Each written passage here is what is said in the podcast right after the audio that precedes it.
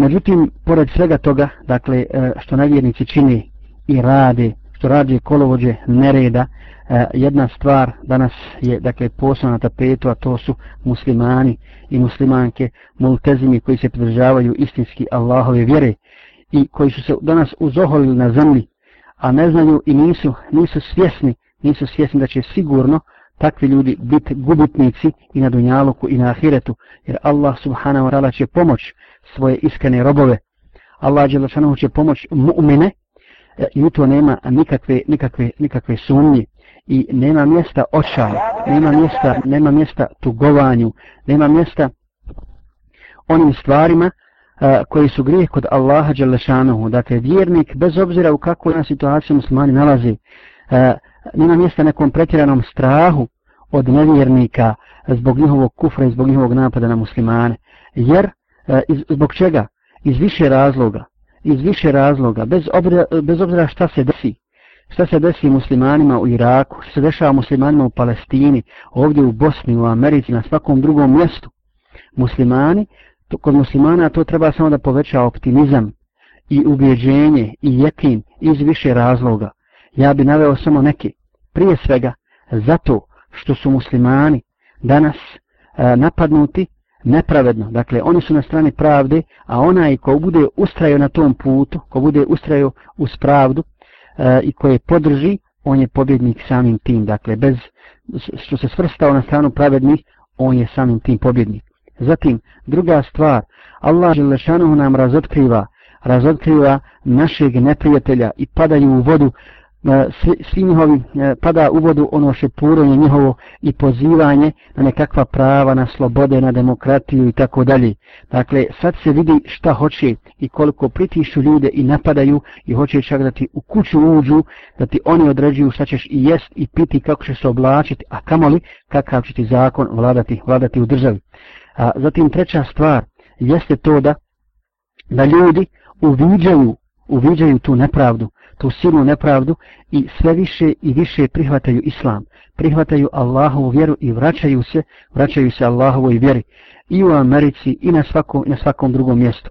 Evo ovdje kod nas, alhamdulillah, e, sutra, to jest nedelju, trebaju da dođu dvije, odnosno tri E, žene Hrvatice iz Bugojna ovdje u Fahdovu džamu koje, koje onaj su primile islam i sutra će biti kao i prošli put. Vi ste vjerojatno to pratili radio naba je e, pratila direktno to i snimala i tako dalje. E, to će vjerojatno raditi i sutra. E, dakle dolaze izgovore šehadet i svaki dan se skoro to dešava.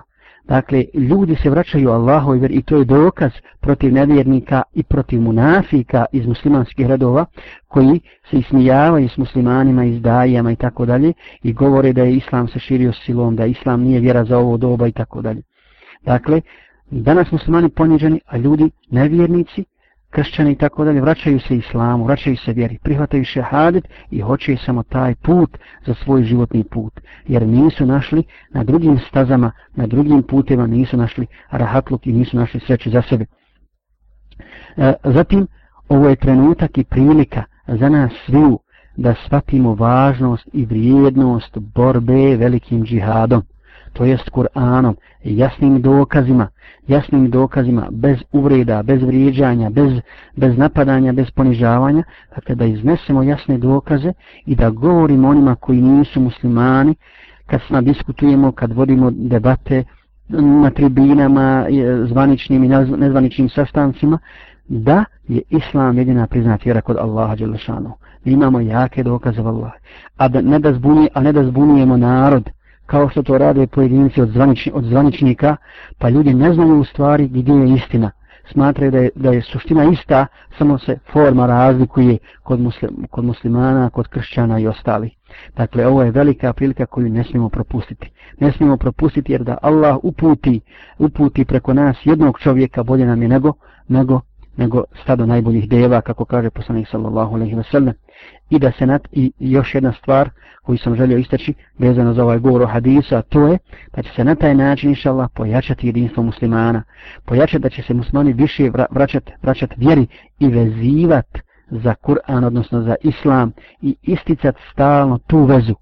Tu vezu a, na uštrb svih drugih veza koje nisu bitne koje nisu bitne i zbog toga nećemo biti pitani na sudnjem danu, a za ovu ćemo i kako biti pitani, a pored toga neće uspjeti neće uspjeti naša nacija, naš trud, makoliko i ložilo da se oslobodimo terora, da se oslobodimo straha, da, e, da zavada sigurnost i mir u našim državama, ako se ne vratimo istinski Allahovoj, Allahovoj veri. Dakle, to jedinstvo i muslimani nemaju pravo da nas na igru, na zabavu, nego moraju biti ozbiljni, a raditi koliko god mogu da sav svoj život uložimo u radu za Allahu vjeru, u pozivanju ljudi u Allahu vjeru, jer dunjaluk je, dunjaluk je zaista kratak. Dunjaluk je zaista kratak, kao, kao što kaže Ali radi Allahu ta'ala, kada mu je došao čovjek, kada mu je došao čovjek da, da mu bude svjedok, odnosno kadija, za ugovor, ovaj je kupio kuću, e, pa je tražio da mu Alija potpi, napiše taj ugovor i da bude svjedok, da je on kupio drugog čovjeka kuću. Pa mu kaže Ali radi Allahu, ho, hoću vrlo rado.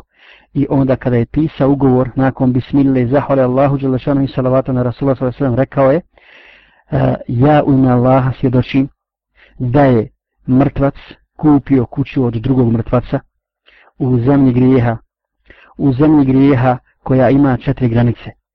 Četiri nije spomenuo da graniči s kopnom ili s morem s jedne strane, s kopnom druge strane s morem, nego rekao Alija.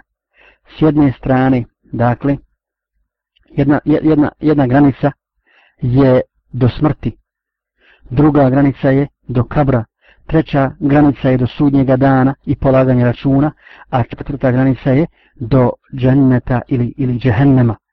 Pa kada je čuo ove riječi, ovaj čovjek rekao je, ja pozivam Allaha za svjedoka, a zatim tebe Alija, da ja ovu kuću koju sam kupio dajem u sadaku. Dakle, ne želim, ne želim da imam za sebe, dunjaluk će svakako brzo proći i vratit ćemo se pred Allaha Đelešanu i pitat nas za ono što smo radili na dunjaluku, kako smo proveli naš život, kakvi su naši odnosi bili i koliko smo mi bili svojim životima, svojim dijelom, svojom riječju i postupkom sebe da drugi ljudi prihvate Allahovu, Allahovu istinu.